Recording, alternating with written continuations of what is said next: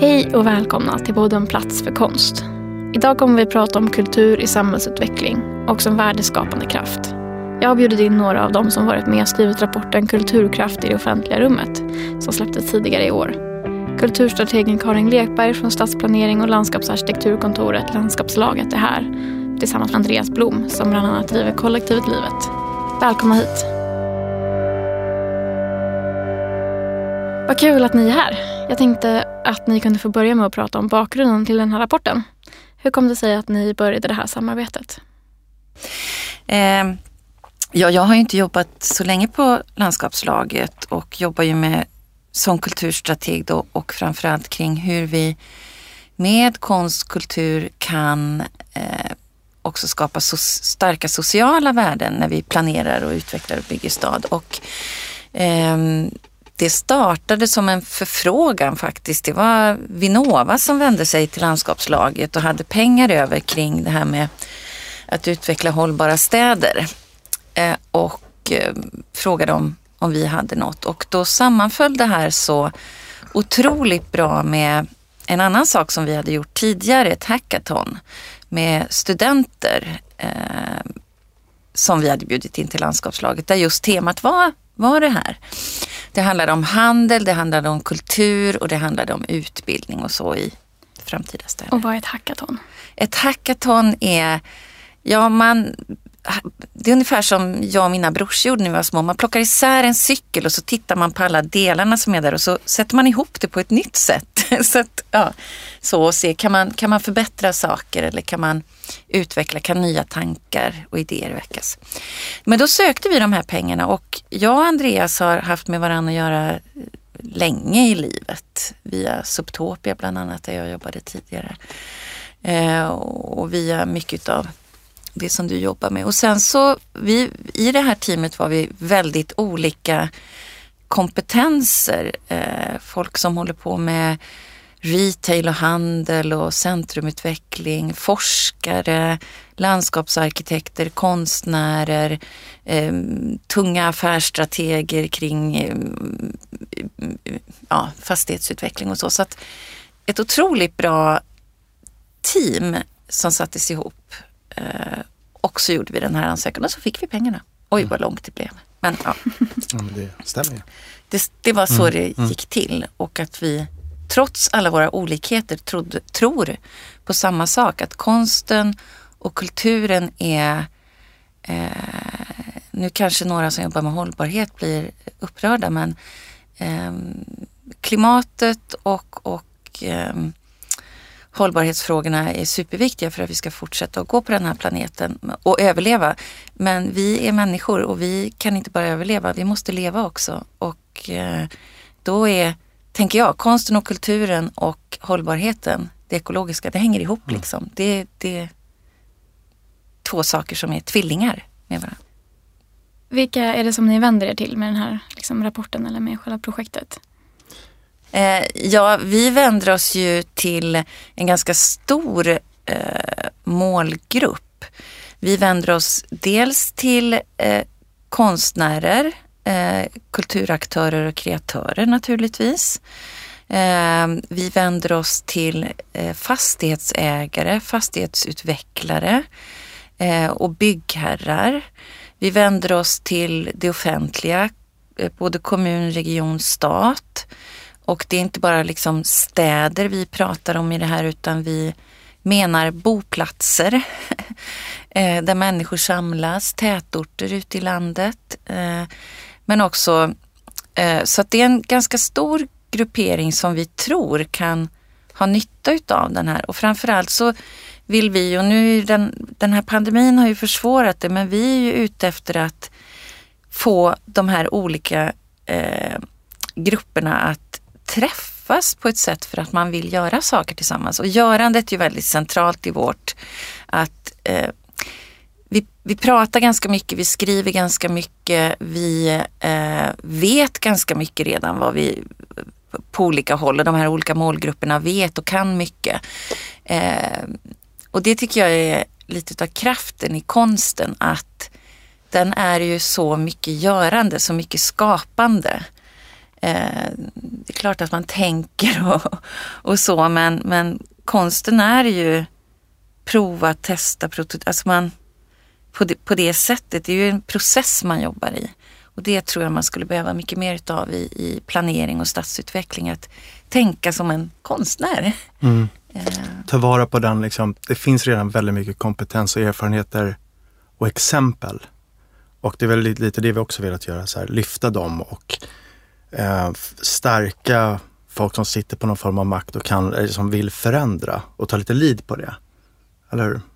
Men den här utlysningen kommer ju en tid som nu för att behovet finns och vi har alla i vårt team um, är av samma uppfattning och det har liksom varit en ynnest att bara få samla den informationen och tillgängliggöra den till de som Karin nämner.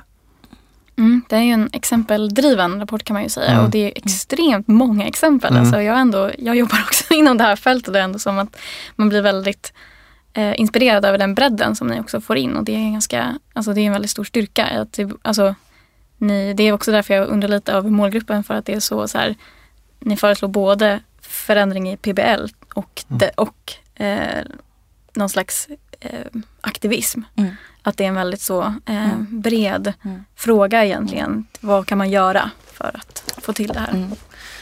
Och det tycker jag, det du tar upp nu, PBL då ska vi förklara, det är plan och bygglagen och den är väl ungefär 30 år gammal och den är ju väldigt intressant för den styr ju väldigt mycket idag hur vi eh, formar eller ska styra hur vi planerar och bygger våra städer. Och eh, om ingen har däremot så skulle jag vilja läsa upp den för att den eh, man kan säga så här, om vi följde den, om vi jobbade efter den så skulle förmodligen våra boplatser och städer se lite annorlunda ut. Så jag läser upp den. Kör. I denna lag finns bestämmelser om planläggning av mark och vatten och om byggande. Bestämmelsernas syfte syftar till att med hänsyn till den enskilda människans frihet främja en samhällsutveckling med jämlika och goda sociala levnadsförhållanden och en god och långsiktig hållbar livsmiljö för människorna i dagens samhälle och för kommande generationer. Det är en ganska stark programförklaring och riktning vad man ska göra. Och i min värld då, om man, om man kopplar ihop liksom vår rapport med det här så försöker vi någonstans eh, säga att ja, egentligen kommer inte vi med någon rocket science eller sådana här saker görs runt om. Men om vi kunde få in det här i mycket tidigare skeden, det här sättet att tänka på, så tror vi att vi skulle kanske få lite bättre livsmiljöer. Jag tänker att det kanske är det som är, för det känns ju också väldigt eh, tydligt att till exempel gestaltad livsmiljö är en, en påkoppling på det här. Mm. Eh, som någon slags 30 år för sen eh, uppföljning av mm. att så här, varför blev det inte så här från början med, alltså i plan och bygglagen. Eh, så får man liksom ha en påkoppling av det för att liksom följa upp det arbetet med att skapa kvalitativa livsmiljöer. Mm. Eh, men eh, kan ni prata lite om vad ni har kommit fram till då i den här rapporten? För jag tycker att det är väldigt, det sammanfattat det väldigt fint, tycker jag. Um, vi har redan varit inne på det här med att börja göra. Vi sitter ju redan på alla erfarenheter, eller många erfarenheter. Um, det handlar väl liksom om att börja så här släppa fram varandra och folk som redan gör och liksom eh, prova att göra på nya, nya sätt. Jag tänker liksom, du tar upp PBL här och så tänker jag så om man tittar 30 år framåt i tiden, men det är inte det 30 år längre, men Agenda 2030, man tittar liksom, det är ju en spikrak linje på att så här, det här ska vi göra. Och då krävs det vissa förändringar. Um, och det är inte så superkomplicerat om man kollar på de här exemplen. Om man ser vad är det som är framgångsfaktorerna. Liksom. Man, att man involverar folk tidigt i processer. Att man lokaliserar dem på platsen som vill vara på platsen och kommer attrahera de andra för att de gör det med sin passion på platsen. Det, är, det, är inte, eh, ja, det har ju lett fram till att bland annat, vad kan man göra? Ja, men de här eh, gränsgångarna, identifiera de här nya rollerna som, som liksom kommer ha nyckelfunktioner på de här eh, på den, till den här förändringen. Eh, så liksom gränsgångare, eh, att börja göra, eh, vad mer har vi? Mm. Nej, vi har väl också faktiskt eh, peka, vi har väl också kunnat identifiera, dels för att vi själva har jobbat i den typen av miljöer och eh, vi ser ju att eh, sedan en lång tid tillbaka så kan vi se i ytterstaden, i ytterstadsområden, en ganska rejäl utarmning utav både den fysiska miljön och människors möjligheter och tillgång till olika typer av service eller aktiviteter och så vidare. Och det tror vi är jätteviktigt att, att jobba med och kunna identifiera de platserna och att det har skett någon slags fragmentisering utav dem eh, som vi tror är viktiga att liksom knyta samman igen. Mm. Eh, så, så det är en viktig sak. Sen har vi på grund utav den pandemi som vi befinner oss i eh, och som ju är skapad utav oss själva också. Det är ju liksom inget virus som bara hoppat in och är, är dumt utan det är ju för att vi lever som vi gör som sånt här händer. Så, så kan man väl säga att eh, det man har, man har ju sett att digitaliseringen eh, kommer gå snabbt. E-handeln kommer också gå snabbt. Men på några månader har man flyttats fram liksom fyra, fem år i tiden. Man har, man har inte hunnit med riktigt. Eh, vi har långa processer och vi tar tid på oss och nu så sker allting liksom i ett fingerknäpp. Ehm, så det har vi väl också identifierat att vi tror ju att eh, mycket av de handelsplatser som vi har idag eh, skulle kunna vara alldeles utmärkta för konstnärer, kreatörer och kulturaktörer att tillsammans med, man ska inte se det som en deus ex machina som kommer ner och räddar och nu kommer kulturen och liksom, åh, nu blir allt bra. Så funkar det inte, det vill jag vara tydlig med, utan det är ju i samverkan med andra aktörer som, som konsten och kulturen eh, fungerar bäst. För det har med människor att göra, det är människor som interagerar med varandra med olika uttryck. Så det har vi väl också kommit fram till att vi tror att eh, där skulle vi kunna göra stor nytta. Det finns många exempel, vi har inte med det i den här för vi tyckte det var så skrytigt men eh, i New York då så man kan se ut med, med Highline och hur, hur, hur det eh, har fungerat och eh, ja, där konsten och kulturen egentligen är det som driver platsen framåt och inte kommersen och handeln. Mm. Jag är inte emot kommers och handel utan jag bara säger att balansen vore fin. Mm, men ni tar ju upp det här med butiksdöden eller centrumdöden som en, så här, mm. en möjlighet också för, mm. för kultur att kunna komma in på i andra liksom, lägen i staden eller i, i centrum i ytterstaden. Um, men vad, vad, tror du då Andreas att det liksom är, vad, vad kan kulturen göra i sådana lägen som man inte kan göra från andra typer av... Eh, alltså pratar du med butiksdöden eller? Ja, precis. Eller om man tänker på hur man... det påverkar kulturens möjlighet att kunna komma in i samhället. Alltså det öppnar ju upp enorma möjligheter ser jag. Liksom. Hur, för det vi pratar om är att skapa de här rummen. Uh, liksom att, att flytta, flytta saker närmare varandra. Vi pratar ju om så här målgrupper som vi, vi pratar om är väldigt spridda. Vi har, I ena sidan har vi en affärsutvecklare på ett fastighetsbolag och, och i den andra änden har vi en gatuartist som mm. liksom mm. Till synes står väldigt långt ifrån varandra. Men om, man, om vi bara pratar om vad liksom värdet av kulturen och vad är det här kittet, vad är det det gör? Ja, det har väl aldrig varit tydligare hur viktigt det är liksom, att vara nära varandra på rätt sätt under en pandemi, men mm. liksom även innan en pandemi, liksom, mm. i de här köpcentren. Var, var är, när shoppingen och konsumtionen inte är i centrum längre, för att det kanske inte är hållbara, eh, vad ska vi ersätta det med? Ja, men det är väl mer upplevelser. Du kan prata med en eh, Ja, men pratar du med någon från retail och, handel, så är det ju upplevelsebaserat som är det nya. Om man kollar på rapporter från Handelskammaren så är liksom folk är i city för att äta snarare än för att uh, handla. Vilket liksom mm. stora skillnader i siffrorna bara på tre, fyra år och sådär. Uh, och vad är det kulturarbetare gör? Eller konst och kultur? Det, det skapar upplevelser, berättelser, möten. Mm. Så att det är väldigt nära varandra ser vi, mm. hur de här får plats i de här rummen. Och där tror jag också, så här, fylla på lite att eh, där kommer ju den här gränsgångaren in för att det, det, man behöver ju också bygga tillit mellan de här väldigt olika, som ser väldigt olika ut. Men man har ju någonstans något gemensamt att, att man vill skapa en upplevelse. Men det, det som jag tror också i, i den här typen av centrumkärnor eller shoppingcenter och så, det är ju att eh, vi, och det hänger ihop med digitaliseringen, vi förväntar oss idag att bli mötta på ett annat sätt än bara som konsumenter. Vi vill, för att vi vet att vi kan och har verktyg idag, att vara medskapare på den nivå vi själva väljer. Idag, idag kan du liksom, man pratar mycket om, man pratar om prosumenter, att man både är producent och konsument. Man är med och skapar det, eh, det innehåll eller det utbud eller som, som så. Och det tror jag också blir, eh, kommer bli mer och mer eh, och om jag, om jag tittar på mina, mina barn då som är i tonårs och övre tonåren att de, de konsumerar på ett annat sätt. Det räcker liksom inte bara med saken eller prylen utan man förväntar sig någonting annat också som har ett annat värde.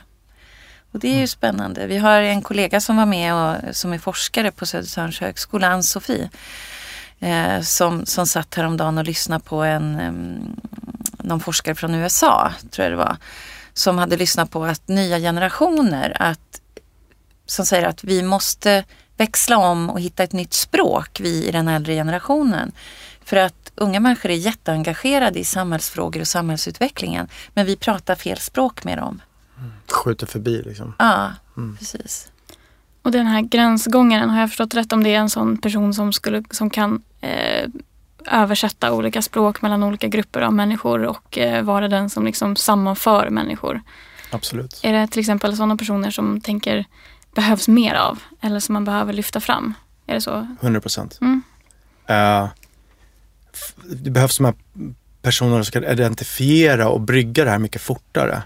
Uh, det är ett enormt resurslöseri, ser jag i alla fall idag. Jag ser liksom hur hur processer är, är byggda för, en, för, för, ett system som vi alla vill lämna men vi, de, är inte, de är inte vi för långt fram.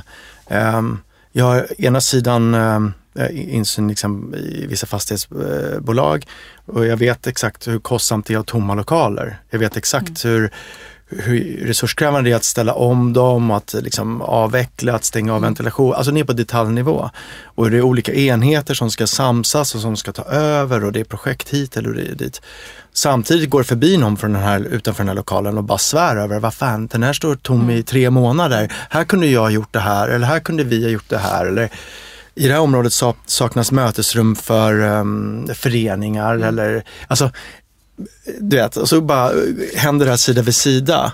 Och det skulle vara så lätt att identifiera de här um, och fortsätta jobba med dem, bara koppla mm. ihop de här. Mm. Men det finns ingen, det finns inga, inget språk, ingen tid, inget rum riktigt för det just nu hos, mm. hos de här, varken hos de som går förbi eller för de som sitter till exempel på den här lokalen. Mm. Jag fick den på grund av att du pratade centrum och så här. Um, så det är ganska tydligt och mm för oss som har verkat i det så ser man också att så här, ganska hur lätt det är när man börjar förstå varandras språk och mm. hitta kopplingarna. Hur, hur fort man kan göra mm. sådana kopplingar. Och utöver då språket och de, de här gränsgångarna så handlar det ju också om att vi behöver på ett begripligt sätt, ett sätt vi kan hantera liksom och förstå, prata om värden. Vi behöver liksom hitta nya vi har, vi har ju ett ganska enformigt sätt att prata om värden och det är ju i kronor och ören. Um, och, och det är det vi oftast, när vi ska översätta någonting så säger vi ja, eh, det var väl det där med chipspåsar eller vad det var för några år sedan. Att vi, vi gärna liksom eh, använder monetära begrepp för att vi ska få en uppfattning om vad det betyder för någon. Och, och det tittar ju vi på nu, en grupp och um, har börjat rota i det lite grann att vi måste hitta ett språk för att få andra värden. Jag vet Jonna Bornemark pratar ju jättemycket om det här, så hon som är filosof, om att ja, men vi lever ju i en tid där allting ska mätas och vägas och eh, allt är ratio och sådär. Eh, och eh, vi måste eh, jag blir så, vi måste hitta andra sätt att prata om andra värden. Liksom. Eh, Det är någon som har börjat forska på gåshudsfaktor i Sydkorea. Mm. Sånt tycker jag är intressant. Ja, jag har ju mätt gåshud länge. Mm. Jag tycker att det är ett jättebra mått. Mm. Ja men absolut, det är liksom, i, i, kommer ofta ner till att någonstans ska ett bokslut göras. De här ska mötas. Den här uh, upplåtelsen, den omställningen, den kostnaden, var ska den hamna? Eh, det innehållet som skapar där, vart bokför vi det? Mm. Liksom. Eh, och det, det, är väl de posterna vi måste tillsammans titta mm. på och liksom hitta mm. och vad, vad är de nya kont kontona för att använda affärsspråket. Liksom. Mm. Ja, men jag tror att det här är typ en frustration hos många som håller på med kultur. Alltså även för de som jobbar med det på, på kommuner och på, mm. liksom i, inom företag. Att det är svårt att möta det här kravet på mätbarhet och fortfarande ha någon slags eh, ja, jag vet inte, att kunna ha ord för vad man själv tycker är mm. viktigt mm. Mm. i relation till det. Och, och där skulle jag säga att där sitter kulturutövare och näringslivet i samma båt. För att man mm. sitter på, på, i näringslivet och vill också, förstår ju också att det här innehållet har ett värde mer än en Instagram-postning. Mm. Eller mm. att 13 pers till gick in i köpcentret eller mm. vad det nu man mäter. Ja. Alla vet det, men det finns ingenstans att stoppa det. Nej, precis. Eh, Eh, men jag, jag tänker gå tillbaka lite till de här gränsgångarna för att utöver liksom att de kan förena, förstå språk, eh, medla, få det här att funka, så är ju gränsgångaren också en, eh, en person som ser möjligheter, ser lite runt hörn, är en opportunist som fattar att det går förbi någon som Andreas pratade om, den här lokalen utanför. Man ser de här möjligheterna och man tar dem också. Och det är det vi pratar jättemycket om att, i den här rapporten, att, om görandet. Att du behöver inte ha skrivit igenom ett helt projekt, tänkt igenom det, gjort en jättefin budget, gjort allting i ett halvår, ett år och sen ska du börja göra det. För att oftast är det så att ja, när du börjar jobba med människor sen så händer det saker som det blev inte riktigt som, som du hade tänkt. Och då kanske du har satt upp fel mål, du kanske har eh, tänkt fel i ekonomin, eh, ja massa saker. Och därför tycker vi att börja lite smått, börja prototypa, börja pyttelitet. Och jag jag har ett väldigt bra exempel på det. Jag, jag jobbade ju på Subtopia i 16 år, väldigt länge. Och där kom det två studenter 2009 från Dans och cirkushögskolan och sa så vi, vi når inte ut med våra akter och shower och så. Vi vet inte, vi behöver hjälp att sälja oss. Eh, och så kom de och frågade mig och eh, Kikki heter hon, Mukkonen som är, var cirkus, är cirkuskoordinator där konstnärlig chef. Och hon, vi sa, ja men vi kan väl, ja men vi gör två dagar och så ser vi, bjuder in några som kanske är intresserade. Då bjöd in Riksteatern kom, det kom två, tre stycken och Folkets park, eh, hus, hus och park eller något sånt där. Och det blev så bra så då eh, sa vi, ja men vi gör det nästa år igen. Och så byggde vi det här. Till slut blev det liksom Europas, norra Europas största utbudsdagar inom cirkus och nu har man tagit steget då eh, till att faktiskt bli en regional Stockholms cirkusfestival. Eh, så, och så kan man jobba. Eh, man behöver inte göra cirkusfestivalen i Stockholmsregion, börja med det. Det är liksom, jag tror att man ska börja mindre. Mm.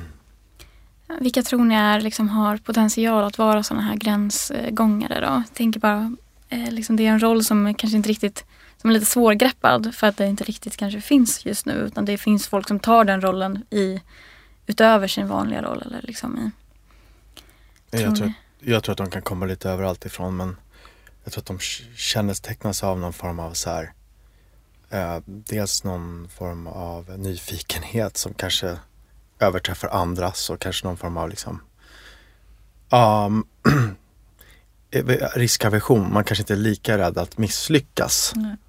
Alltså man, man vågar koppla ihop något för att man förstår att det är själva ihopkopplandet som är det viktiga. Inte att det blev norra Europas största festival mm. direkt. Mm. Utan att det kanske visar sig att man skulle starta ett företag och göra pannkakor i slutändan. Mm. Alltså, mm. nej, men det, är liksom, det är någonstans tidigt där man kommer hitta de personerna mm. som kan göra det. Och um, det tar ju en tid att se vissa se de här strukturerna och, och lära sig språken hos båda. Alltså, så jag tror att det kanske är folk som varit verksamma i det ena eller andra fältet men har haft beröringspunkter. Mm. För man måste, man måste kunna bygga den här tilliten och språket. Mm. Ja. Jag tänker på jättemånga utbildningar som finns idag inom ska jag säga, konst och kultursektorn men också inom destination och möte. Så att det finns och också verksamma det är ju jättemånga konstnärer och kreatörer och kulturutövare som jobbar på det här sättet idag. Som jag tror är fenomenala på. Och jag tror att de många gånger som Andreas säger, de kännetecknas av en nyfikenhet, en lägre grad utav rädsla för att göra fel och att de är rätt prestigelösa.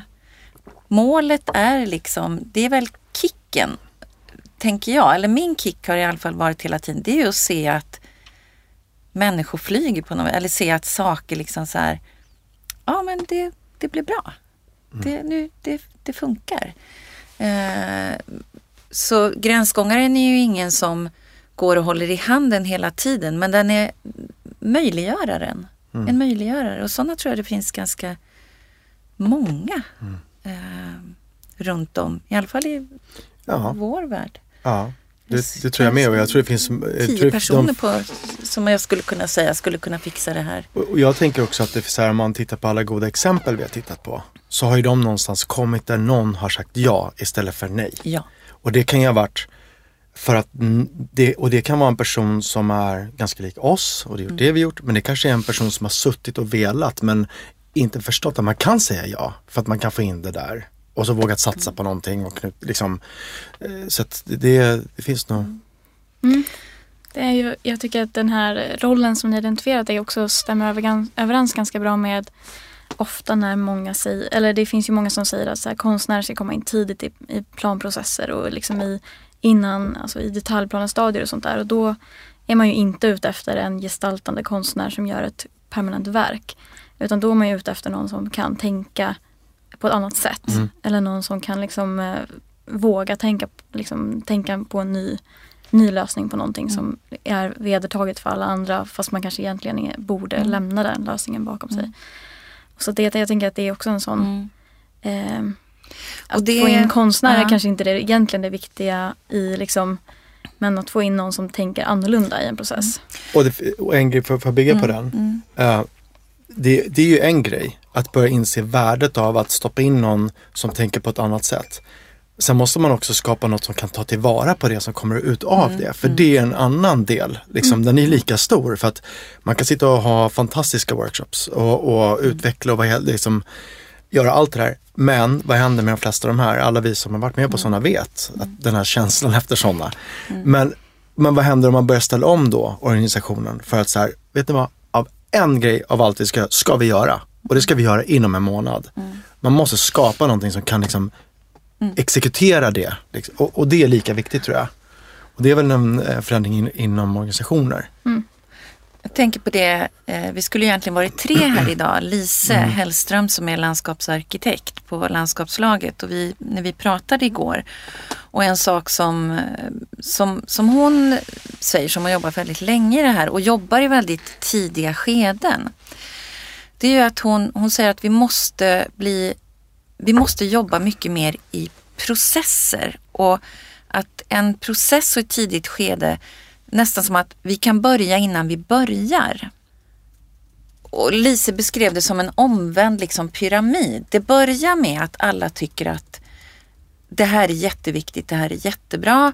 Eh, det finns nya strategier, inte bara i Stockholm utan på andra, hur man ska jobba med socialt värdeskapande. En modell för det. Och så börjar man där och alla är överens och tycker, men sen så liksom trattas det ner som en, som en pyramid åt andra som står på sin spets. Att i slutet så kanske det inte blev någonting kvar. Och vi sitter fast ganska, ganska mycket i att konsten blir någon slags dekoration. Vi dekorerar. Eh, istället för det som vi, som vi pratar om här, som Lise pratade om, att en process som följer med och den fortsätter också. Någon har tagit hand om den så att när allt är klart så att säga så lever den här processen vidare. eh, det här sättet att den här stadsdelen eller kvarteret eller regionen eller vad det nu är. Att, ja, men vi, har, vi har liksom förankrat det här. Vi lever med det, det är ett mindset. Mm. Och där är vi ju inte. Liksom, uppfattar jag det som. Men på god väg förmodligen. Men det handlar ju någonstans att skapa långsiktiga, hållbara nya strukturer.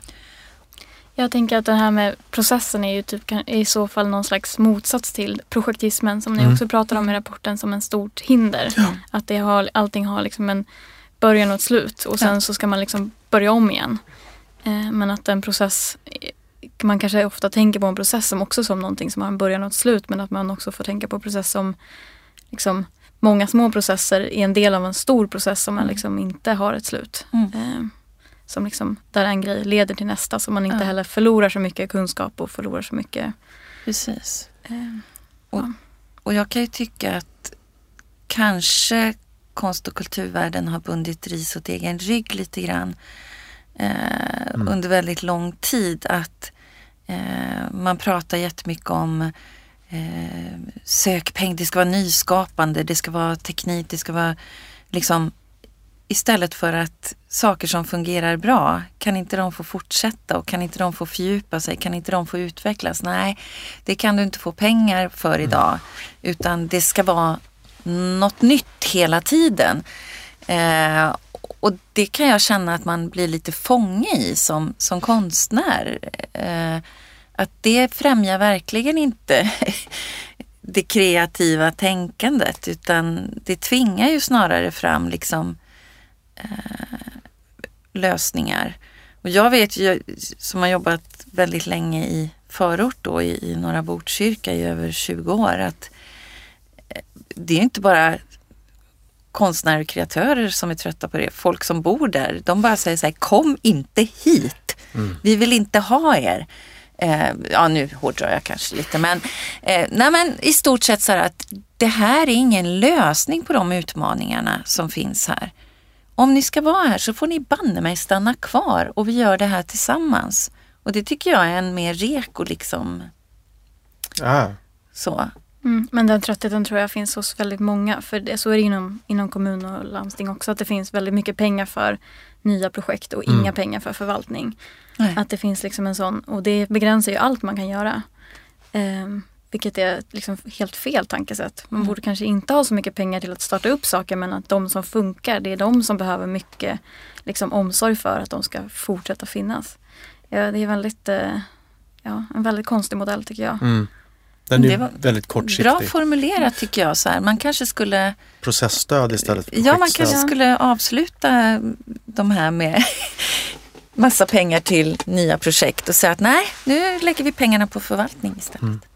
Ja, jag tänker att det, då har man liksom testat om det funkar eller inte. Och sen så kanske man inte, då kanske man bestämmer sig för några som får Ja. överleva. Liksom. Ja. Ja, jag vet inte, men det, det, jag möter ju ofta en väldigt, väldigt trötthet på projekt. Mm. Och jag möter den där att den här tratten in för att söka de här utlysningarna, de är extremt exkluderande. Mm. Alltså extremt. Eh, alltså de, de, de öppnar inte upp för att någonting annorlunda ska kunna hända från grunden. Nej. Så att liksom, det kan man ju titta på. Ja, men bara det här, man vänder sig till en målgrupp som har tusen språk att uttrycka vad de vill göra. Men du kan bara använda textbaserat. Alltså det är Och en 400 väldigt, tecken Ja. max. För Alltså att det förklara Ja, din dröm. det, ja, just det. Bara, tack. Ehm, och, och, och, och det där, jag förstår eh, att det är ju för att det ska funka i systemet. Mm. Eh, och det, återigen då är vi tillbaka i det så här som vi pratade när vi pratade världen och pratade andra saker. att ja, men Om vi bara gör saker eller utvecklar saker som passar ett system som går att mäta och väga och så. Nej, det kommer ju inte gå och det kommer definitivt inte klara av hållbarhetsmål, de globala målen om vi fortsätter på det här sättet. Då kommer det gå piprätt. Ja. Eh, utan här måste vi ju både börja tänka, göra och släppa in människor som gör saker på ett annat sätt. Eh, och tänker på ett annat sätt. Mm. Och att, ja. I, ni har en formulering i, i rapporten som är så här, använd konstnärer och kreatörer för att fånga och gestalta detta unika. Och det är ju en väldigt så här, det stämmer ju på väldigt många men jag vet, undrar bara om ni, lägger ni för mycket på liksom, konstnärer och kreatörer? Att de ska vara de som går in och liksom gör allt för att vi ska nå Agenda Mm. 2030? Alltså, Nej, nej, verkligen inte. Och som jag sa tidigare, att, eh, jag tror jag nämnde det tidigare här i intervjun, att eh, det, det är liksom, det, kulturen och konsten är ingen deus ex machina som faller ner från himlen för att rädda allting och vips så blir det bra. Nej, så är det absolut inte. Men jag tror att konstnärens perspektiv och sätt att hantera och se på olika utmaningar. Det perspektivet har vi väldigt lite utav idag. Utan vi har, vi har ingenjörens och teknikerns perspektiv när vi ska lösa saker. Och snarare att hitta en balans i perspektiven hur vi kan lösa saker. Eh, för nej, jag tror verkligen inte att konstnärerna kommer in och löser saker nu. Men jag tror att vi kan hitta nya sätt att hantera utmaningar och problem som vi har med hjälp av fler, fler röster. För de hörs inte så mycket idag. Eh, och blir lätt underhållning, upplevelser och dekoration. Eh, när man faktiskt är en otroligt liksom, viktig samhällsaktör också på många sätt. Sen kanske inte konstnärer vill se sig på det sättet och som ett verktyg. Eh, och det behöver man inte göra och jag ser inte att det är någon konflikt heller mellan att, att liksom, man behöver inte ställa det som en konflikt att jag gör konsten för konsten. Det är fine. Men det kommer på något vis ha en påverkan på en annan människa. Och en, en, en, någon som tar emot det. Perceptivt liksom tar in det så här. Eh, på olika sätt. Så jag ser inte en motsättning i... i och Sacco som är våran lilla husgud då, han säger ju också det att man behöver, man behöver inte ställa de här liksom mot varandra. Han pratar ju om det här system, konsten och kulturen som systemövergripande, liksom som ligger ovanför de här systemen och stuprören vi har skapat. Och att det är kapacitetshöjande för människan. Och för platser. Liksom. Jag liksom jobbar mycket med konst gentemot eh, alltså, offentlig förvaltning. Så den, den formuleringen kring armlängds avstånd tyckte jag var lite provocerande i er rapport. Att, det, att ni var lite eh, ifrågasatta armlängds avstånd. Ja, det är Ann-Sofie Köping då som forskar på det här området som säger att eh, hon menar ju inte motsatsen att man ska låta bli att ha armlängds avstånd. Men om det, om det är så att det bara är experter, jag tror det är så hon menar, som bedömer och det ska vara armlängds avstånd så kan det lätt bli att konsten och kulturen blir något väldigt exklusivt och som, som liksom inte angår så många människor.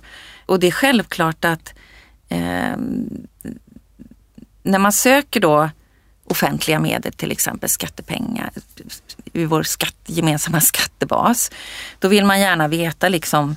Sen tycker jag att det har gått till överdrift många gånger när man söker för konst och kulturprojekt. Mm. Andreas, vad tänker du som ändå är Jag konstnär? tänker massor.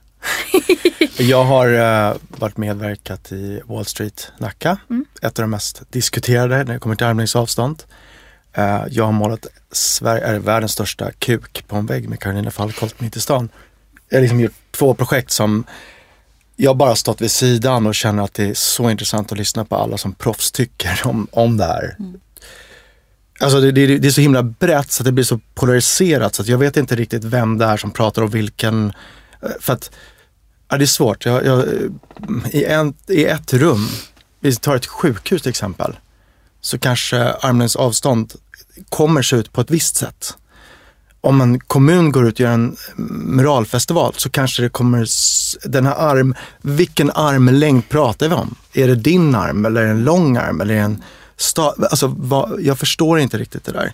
Ehm, vi har ett, ett fastighetsbolag som har gett så fria tyglar att Carolina kunde jobba med ett projekt som är superviktigt för, och som jag tror hade kommit svårt att få komma till plats någon annanstans.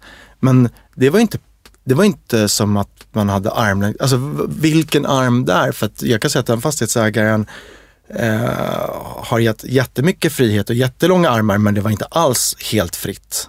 Alltså, jag skulle vilja koppla det mer än till eh, men perspektivet, alltså vi lever ju i en, i en ganska eh, ganska problematisk tid där det här begreppet också lätt kan bli eh, urvattnat och att det liksom, det blir ungefär som begreppet hållbarhet. Att till slut så vet vi liksom, vad är det vi, vad är det vi menar med armlängds avstånd. Men, för det handlar ju också om ideologi och politik. Mm. Eh, och i en extremt polariserad värld och vi har sett vad, alltså konsten och kulturens kraft när den hamnar, för konsten och kulturen det kan ju lätt bli att vi ofta pratar om att den gör så goda saker med oss människor. Den gör så fina och bra saker och det beror ju på var vi står någonstans. Vad vi tycker. Men den, den kan också verka på ett väldigt ondskefullt plan och en ondskefull arena att skapa liksom, för den kraften har konsten och kulturen.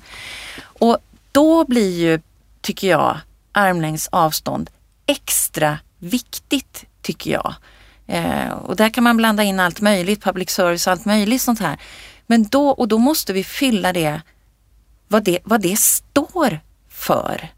Eh, för annars är vi jättefarligt ute. Om vi bara liksom pratar om pengar och vad man, ja, man ska göra. För att ja, det begreppet kan även motsatta sidan använda och säga, ja, nej, men vi tillämpar armlängds avstånd så därför ser konsten ut på det här nu ideologiska sättet. Mm. Så. Jag tror att det finns, eh, för som du säger, det finns ju väldigt stor bredd i tolkningsmöjligheterna mm. av armens avstånd. Mm.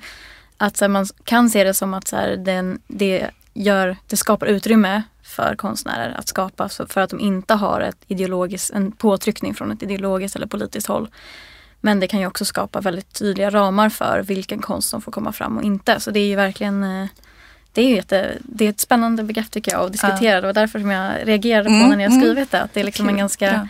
För, för mig är det liksom, det blir så laddat för att jag kommer från en, en konstyttring som har varit eh, under nolltolerans. Liksom, mm. eh, jag, jag driver bland annat graffitiförmedlingen. Alltså, vi har ju verkat under en nolltoleransera som ingen vill prata om. Mm. Samma personer som pratar mycket om armlängds avstånd och lägga sig eller inte ja. har visat var, var alla röster som backar den här kulturen. Som idag är den väl den mest approprierade och används av alla och institutioner, jag nämner inga, har fått enorma budgetar för att göra muraler och ja, men så här, det, det är liksom, mm. eh, om vi inte har en armlängd då, om vi, vi, en, en hel yttring som anses vara olaglig och motverkas, det måste väl också anses då som den mest friaste för de har inte sökt en spänn, får inte mm. en spänn, eh, riskerar allt, betalar allting själva, eh, uppfinner liksom vägar runt hjulet, eh, eller otroligt innovativa. Alltså så här, um, ah, ja ni märker jag går igång. Mm, Men det, är liksom, det kommer också hända om vi mm. börjar så definiera för mycket. Och mm. vilken är nästa yttring som vi liksom, nej men det är inte okej. Okay. Ingenting som har med det att göra är okej. Okay. Ah, okay. Vad händer då? Mm. Vem bestämmer? Mm, och det är ju ett jättebra exempel på när liksom den typen av um, ramar förändras. Alltså, mm. precis, alltså som du säger med street art eller graffiti, att det liksom blir att det förskjuts från att vara no-go till att bli eh, liksom ändå väldigt approprierat eller liksom mm. populariserat. Och, och, samma människor sitter på samma maktpositioner och ska den ena dagen jobba emot det och göra allt de kan för att dissa oss när vi ringer eller inte hjälpa oss fram eller så här. Och till den andra dagen så sitter de med jättemycket makt och frågar oss på obetalda möten, vilka ska man jobba med? Finns det några kvinnliga konstnärer? Så, alltså, man blir helt galen mm. för det är samma personer och då menar jag liksom, där kan det ju behövas förändring. Absolut. Mm. Mm. Nej, jag, jag, tänker också på just graffitin och, och hela Subtopias mm. historia, liksom från 2010-2011 då, och Botkyrka är ju en egen kommun och, och, där lyckades vi leta fram ett fullmäktigebeslut från 2006 som, sa att vi är inte emot eh, och utifrån det byggde den första väggen.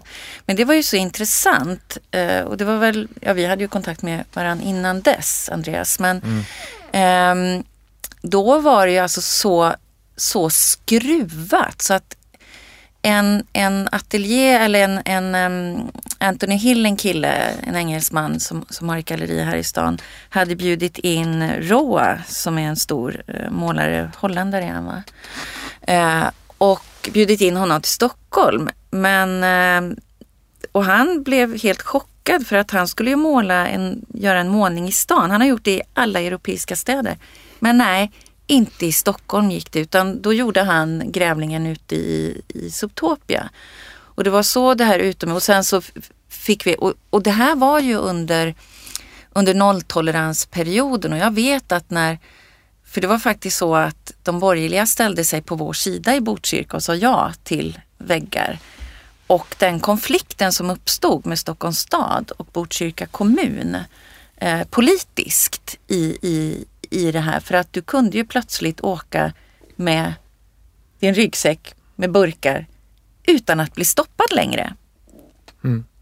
Ja, stoppad blev man ju. Ja, fast du, fast du kunde ha en rimlig kunde, förklaring. Du, du kunde förklara att du skulle hit. Mm. Och det här är ju helt absurt när, om, man, om man tänker liksom, det är bara några år tillbaka i tiden. Mm. Superintressant Andreas, alltså, för det, det är verkligen... Det finns, ett, finns en intressant vinkel till om man vill använda det här det är ett ex, ex, ex, intressant exempel, men jag tänker på eh, den här lagliga väggen i Tanto. Ni mm. väl nog först med eh, laglig vägg? Ja, vi var först och sen så var vi Eller råd. Öppen vägg. Ja, öppen säger vi. Ja, ja. Öppen är det ordet som Precis. jag tycker ja, sen man ska vi, gjorde vi en skrift ihop med Graffitifrämjandet ja, och precis. Studiefrämjandet. En som handbok. vi använder fortfarande. Ja. Så här kan man göra och det mesta handlar, alltså, så skulle vi vara rådgivare in till Tanto och då sa vi måste ha en tjej med. Kan du vara med Karin? Ja, så här. och det mesta handlade om sophantering. Mm. Kommer ner till det. Det var men, liksom men, det vi... Men ett, en, uh-huh. en grej vi pratade kring just det var ju att när Tantoväggen hade funnits i ett år, då blev jag kontaktad av någon journalist eller det var någon som ville så här, prata om öppna väggar och liksom mm. eh, tycker liksom att och de vill ju veta så här, har det varit bra eller dåligt? Eller liksom, ja. var, det, var det fail eller inte? Men det enda jag kan tänka mig som man har sett från Tantos öppna vägg, det är ju hur, hur extremt många fler väggar som behövs. Mm. För att mm. det finns ingenting som på, på, påvisar att det har liksom exponentiellt ökat någon våldsam otryggare eller nedskräpning. Förvisso finns det en sophantering som kommer med det, men det gör det efter en match på stadion också. Alltså så här, det är inget Nej. konstigt. Men, men om man tittar på hur mycket den används och hur många som målar mm. och liksom hur svårt det är att få tid och plats där.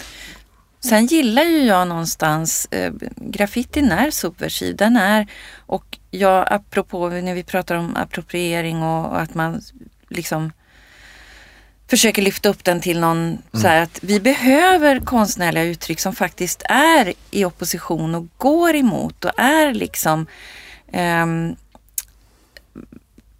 så, som kan och får ifrågasätta. Så att det liksom inte bara blir gullighet. Men, Men får, jag, får jag prata mm. om en annan, så här, apropå stadsrummet och stadsutveckling som vi ju också båda två jobbar med. Och det är ju alla de gatuartister mm. som liksom finns runt om i Europa. Och jag tänker, jag tänker liksom eftersom vi inte kan vara inne på samma sätt längre och utan i, i stadsrummet röra oss mer med avstånd. Att då tänker man så här, det borde bli deras tid nu att mm. få lov att, att uttrycka sig. Men, och då, då pratar jag Stockholms perspektiv, för jag, jag, kan inte riktigt hur andra städer har det. Men um, de här lever, alltså finns ganska överallt i Europa om man tittar runt och i, i eh, Spanien i Tarrega, Fira Tarrega som är en festival, liksom Europas största gatuartistfestival. Eh, och då kan man ju säga, ja men det är kallt och klimatet och sådär. Ja, det är klart att det är det. Men här i Stockholm är det ju liksom nästintill omöjligt för gatuartister att, att arbeta. Eh, och där man skulle vilja arbeta, typ Sergels torg eller ja, de, det... eh, utanför mm. riksdagshusslottet, där är det förbjudet att göra det. Um, och, Det är intervju, en av dem, vi har ju genomfört en rad kvalitativa, alltså djupintervjuer med Mm. olika konstnärer, eh, kreativa idkare eller utövare. En av dem är ju en av liksom vår främsta eh, gatuartister och är med i ett liksom, enormt internationellt sammanhang. Mm. kan man prata, liksom, dra nästan en jämförelse med graffitikultur. Men det är liksom också något som är ganska utanför etablissemanget. Ja. Det är ingen som sitter och programmerar och bokar och utan det här är folk som lägger hatten på marken och så kör man. Liksom. Och man, man utvecklas otroligt mycket passion, otroligt eh, stora konstnärssjälar. Mm. Eh, och, och så här, men och då pratar, pratar ju han om just hur så här, nej men Stockholm är en no-go. Det är så här, det, man blir bara vägkörd. Det, det ploppar ju upp och körs lite men det är, liksom- de här, det är uttalat att det är en värdelös plats att köra Ja, på. ja. Och Åk där, pra, där har vi en yttring som är så här gratis. Ja. Alltså det kostar ingen någonting. Eh, man får betala efter förmåga och vilja. Och stannar du så är det för att du vill det. Så det är Ja. inget påtvingat. Nej. Och man kan prata om att tillgängliggöra saker. Helt plötsligt utsätts du kanske för ett akrobatiknummer mitt Mm. i din shoppingstreak som du inte hade varit förväntad Eller dina barn kanske får se någon ett magitrick eller jag har ingen aning. Men liksom om vi pratar om värdet av att kunna Mm. eh, ge befolkningen här och i stadsrummet så är det liksom helt bisarrt att det inte finns en enda plats i vår huvudstad där, där det här liksom sker. Och det är inget som bara går att ställa någonstans utan det måste växa fram och sen kanske publik kommer dit för att man vet att det finns där men det tar tid. Liksom. Ja, men man tänker till exempel som man gör en fri vägg Mm. för graffiti så skulle man kunna ha fria platser där. Alltså att det inte är så här fritt fram i hela utan att man bara börjar med små platser där Ja. det kan vara. Och testa. Mm. Men jag tänker att det är, alltså den här alltså fria graffitiväggen i Tanto och i på flera andra ställen är ju väldigt, eh, alltså det är ju ett jättebevis för att folk har ett stort behov av att uttrycka sig och att så här, om det fanns möjlighet att för konstnärlig liksom, praktik och produktion i en stad så skulle folk utnyttja det. Ja. Så att det är ju jätte, alltså jag tycker att det är superinspirerande och jättebra. Mm. Och det vill man ju egentligen att det ska finnas flera exempel på det. För att alla de sakerna som du tar upp nu är sånt som folk lyfter fram i offentlig konst. Alltså den mer permanenta offentliga konsten. Det ska vara en eh, liksom, stimulerande del av stadsbilden och ge, kanske ge tid för reflektion och eh, inspiration och eh, att det ska vara en, eh, att existentiella frågor eller liksom en, någon slags eh, introspektiv möjlighet. Alltså alla de här grejerna kan man ju få ut av, ett, eh, liksom av, en, av en gatuartist också. Mm. Att det är liksom också, man, jag ser egentligen inte varför det, det skulle vara någonting eh, som inte är, liksom, uppmuntras i stadsbilden.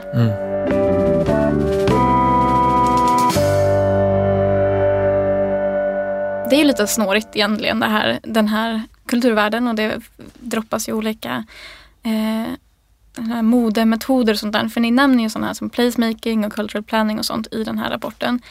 Eh, alltså hur, hur tänker ni kring sådana metoder? Så i eran, liksom, era uppslag till metod som ni presenterar här. Tänker ni att det liksom är med i någon slags sån, i, i den, i den eh, i den, de metoderna som ni föreslår, ligger de i linje med ungefär med den typen av arbetssätt? Eh, jag kan ju säga så här att, men precis som du säger, det poppar ju upp olika metoder liksom. Cultural planning har väl funnits ett tag, placemaking också, kanske inte så som begrepp använt i Sverige. Jag är ju lite eh, allergisk kanske mot den här typen av man pratar om bids och man pratar om, eh, det kommer ytterligare nu, eh, Centrum för ANP kanske också som, som också har en metod. Men egentligen handlar ju alla, alla har ju samma syfte. Eh, och eh, jag är rätt ointresserad faktiskt om jag ska kanske bli ovän med alla som håller på med sånt här. Vad man kallar de här eh, metoderna eller vilken skola man anser att man tillhör.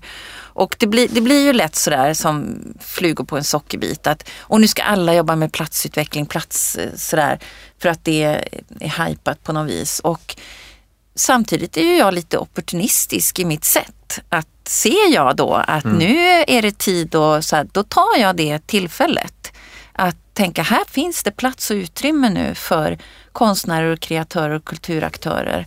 Så, så är ju inte jag liksom så här att jag säger nej, jag gillar inte den här metoden utan jag så här, ja men här kan det finnas plats och utrymme så att andra perspektiv som jag sa tidigare. Kan fler, rymmas, ja. fler perspektiv kan rymmas när vi utvecklar den här platsen än bara eh, hus, vägar och vi planerar ju platser och städer idag mer eller mindre 100 procent utifrån hur bilarna ska kunna röra sig eller parkeras och, och, och på olika sätt. Och det kanske är, det är också ett skifte i mindset att ja, men hur planerar vi framtiden med mycket färre eller kanske inga bilar på vissa ställen. Ehm, och är det verkligen husen som utgör en plats i relation till människor och vägar och så. Man, man behöver liksom eh, eh, fundera ett lite mer. Sen om man kallar det placemaking eller culture planning. Ja, de finns där eller om man jobbar med bids eller vad man gör. För, ja. Ja, Jag har hört de här orden alltid. Jag tycker alltid de kommer in i, i, i, på mig typ och det vi gör. När jag är i rum där folk ska prata om, alltså det var gerillamarknadsföring hette det på vissa rum jag var Ah. i för 10-15 år Ja, sedan. just Alltså det. det, där är okej, det är bara bra för det ger en dörr för oss att komma Ja. in i. Mm. Att man pratar om en identitet på en plats eller på Mm. möten som ska ske. Och, alltså, alltså, Så det är mer så här buzzword, för mig är det mer buzzwords som gör att man kan nå in eller komma fram. Mm. För det jag tänker att det är ganska många ändå, typ kommuner och regioner men också typ eh, alltså, Mm. Bolag som jobbar med placemaking och eh, liksom med den typen av så här, ehm, försöka eh, skapa liksom, mervärde. Mm. Så jag tänker att det kanske är mm, för de som, som eh, är nyfikna på de här orden så kanske så skulle jag nog ändå säga att det är ganska bra att er rapport är ändå lite bredare än Mm. man tänker så här, det är inte en specifik metod och det är inte en specifik utan det är liksom ingångar till att skapa förståelse för hur det, kan, Mm. Hur det kan se ut. Mm. Men vad tänker ni liksom är nästa steg? För ni pratade i början av den här rapporten om att det här är någon slags förstudie. Mm. Vad tänker ni att ni ska liksom omsätta? Ja, alltså nu kom ju coronan, kan säga. Eh, jag tror ju att, eller vår plan var ju att vi skulle ut på en roadshow med den här rapporten och prata och föreläsa och allt finns klart liksom och vi har också kontakt med väldigt många från norr till söder, kommuner eller fastighetsbolag och, och olika aktörer som hemskt gärna som vi har skickat rapporten till och som vill att vi ska komma dit men det kan vi ju inte göra nu och det vill vi inte heller. Liksom. Ehm, men vår, vår ambition är ju och vad vi vill det är ju att börja testköra det här tillsammans på en plats med alla de här olika aktörerna. Med en gränsgångare och, och liksom prototypa fram och, och också kanske både föra vissa saker i bevisning men också se att vi kanske också gled lite i, i, i vår övertygelse. För den rapporten är uppbyggd som en, som en slags verktygslåda med åtta, åtta vad ska jag säga, verktyg, eller vad man ska kalla det, eh, sätt man kan tänka på eller sätt man kan göra. Och eh, då tänker vi att mång, många platser och många som vi tar upp här, de, de gör redan de här sakerna men det kanske är ytterligare någonting som behövs. Men vi vill, vi vill hitta en plats och någon som vill jobba med oss. Och vi vill göra. vi vill göra. Alltså, Precis, vi vill ta vid där vi liksom slutade med rapport. Ja, alltså, ja. doing.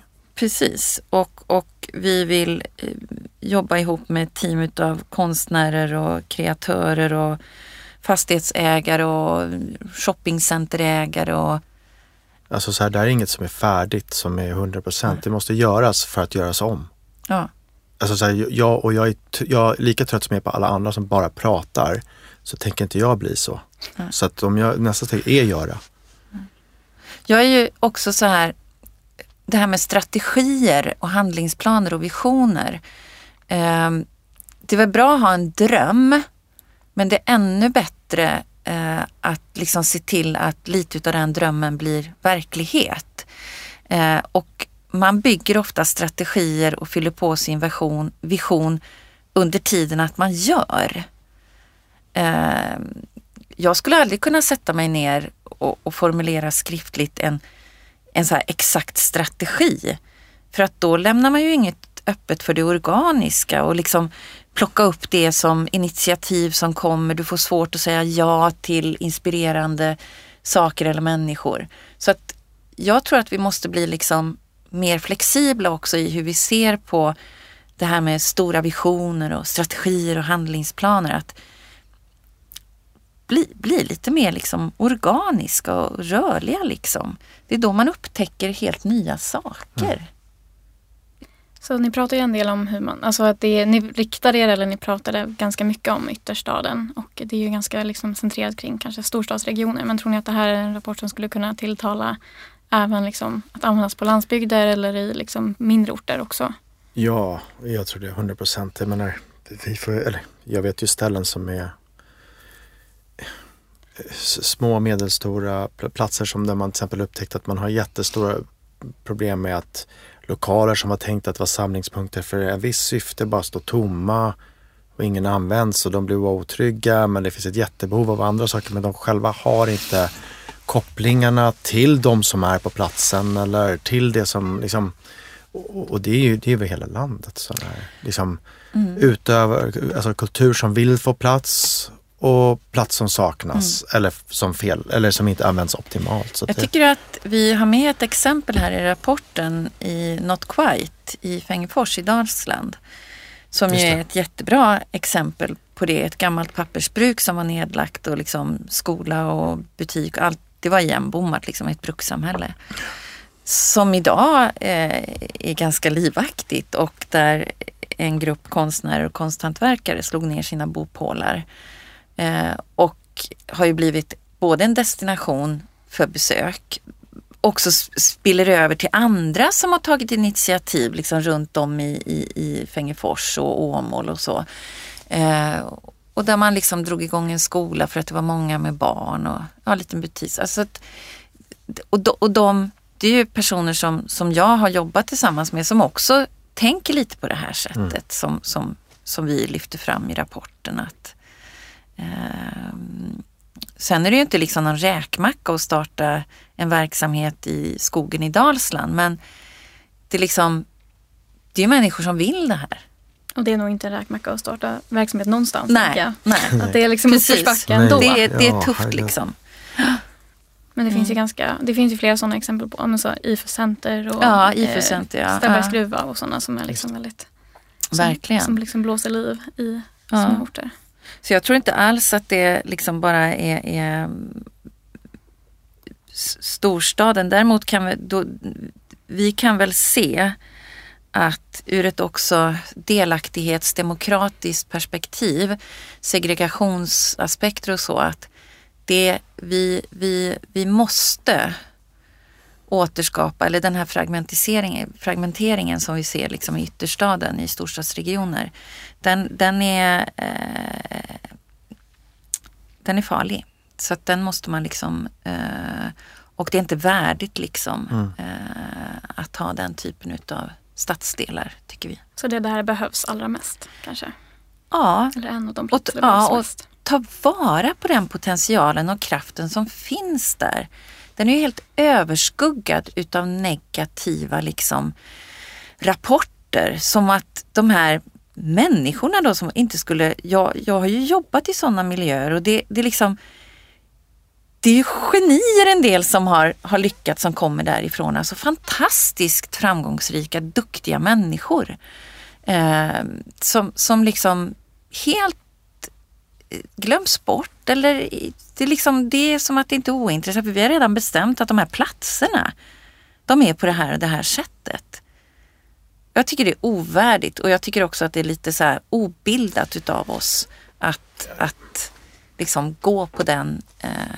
Jag ser det bara som ett enormt resursslöseri. Ja. Alltså det finns så mycket um, kultur, innehåll, alltså saker att upptäcka redan överallt. Om vi bara tillgängliggör det mm. istället för att prata om allt dåligt eller bara belysa helt fel saker så behöver vi inte bygga så himla mycket nytt heller utan vi kan bara, vi var inne på det tidigt. Vad är det som funkar och som redan görs? Men vi lyfter mm. det istället. Mm. Jag menar, snart vill inte alla dricka hipsteröl på ett litet bryggeri på ett pop-up av OSB-skivor som någon har smält upp under en bro. Eller liksom, mm. alltså snart, snart kommer inte det vara det nyaste som är så här, anledningen till att du och jag eller vi eller någon ses sen och att man träffar något mm. nytt och spännande. För att liksom, det är en slags så här enkel copy-paste metod. Snart kommer man vilja ha en genuin fet upplevelse och du kommer inte åka charter till. Mexiko mm. i höst och du kommer inte, alltså den här omställningen den är på riktigt. Alltså så här, vi kan sitta och prata alla de här grejerna hur mycket som helst men vi står för enorma liksom, förändringar som måste göras i en ja. värld som på riktigt kommer skälpa om tio år. Eller inte ens, alltså som redan, så det är liksom, det är inte en fråga om om utan det handlar om att så här, nej men ta, ta tunnelbanan tre stationer längre bort än vad du brukar mm. och så här, upptäck en genuin sak där. Mm. Om det är en kopia på jag vet inte, på KFC eller vad, alltså det finns, det finns fantastiska mm. genuina mm. hur mycket bra saker som helst. Om vi liksom bara tillgängliggöra det och, och upptäcka där. Jag menar, alltså så här, jag vill ju någonstans ta det hoppet som vi har Alltså jag har verkligen från det här mm. arbetet kanske gått in i det med massa energi och tänkt att det ska vara liksom att Ja, nej men jag är liksom väldigt hoppfull idag och det är ju det man vill kanalisera när man ser vad som finns. Vi har ju liksom träffat nog mycket folk för att veta att det finns redan. Ja. Det finns världens palett, det finns världens jävla meny för, mm. för var och en mm. och flera till. Liksom. Och jag kan ju säga att de som har varit med i vår referensgrupp i rapporten från Svensk Handel, Visita, Fastighetsägarna, Unibail, Rudemco, Westfield, Citycon, Huddinge kommun. Så här, de är ju också så här, liksom ja, mm. man vill. Man har faktiskt en ganska stor förståelse för. Eh, så, så vår, vår utgångspunkt är nog ganska positiv ändå tycker jag. Eh, och att vi har hittat aktörer som, som tror på det vi liksom ändå för fram i rapporten och, och gärna vill.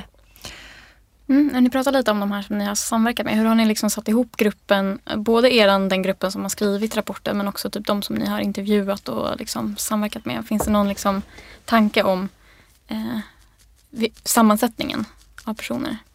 Mm. Ja, ja, absolut. Ja. Vi har försökt att hitta en slags bredd på, på erfarenheter och liksom Både institutioner inom, om vi tittar konst och kultursektorn, så är det ju både från större institutioner eh, som kanske också till och med myndighet, myndigheter eh, och till liksom enskilda konstnärer och få en bredd i det. Eh, och sen de som har varit med i referensgruppen, de har vi ju också tittat på vilka vilka är det som har makt och inflytande över olika platser? Jo, det är privata och offentliga fastighetsägare. Eh, jag nämnde tidigare Ann-Sofie Köping som är forskare då på Södertörns högskola och eh, Apostolis Papakostas som är professor i sociologi. De har också varit med i rapporten. Att eh, nej men vi ser ju nu också att det finns ett behov utav kunskapsöverföring och att ta tillfället i akt. Så vi tittar ju, skulle vi kunna skulle vi kunna skapa uppdragsutbildningar där, där kulturaktörer, konstnärer tillsammans med fastighetsägare får gå ett halvår tillsammans och lära av varandra och börja jobba ihop så att man liksom hjälper till där man kan och skapar liksom bättre förutsättningar för att jobba tillsammans. Eh, nu har vi tänkt att vi ska avrunda det här samtalet men eh, för de som är intresserade av det här materialet som ni har pratat om idag så finns ju rapporten Kulturkraft i det offentliga rummet att ladda ner på nätet. Till exempel finns det på landskapslagets hemsida så kan man alla hålla utkik efter er turné under, ja, efter coronapandemin. Tackar jag jättemycket för att ni ville vara här idag. Tack för att Tack, vi fick komma. Ja, tack så mycket, det var mm. väldigt trevligt och kul.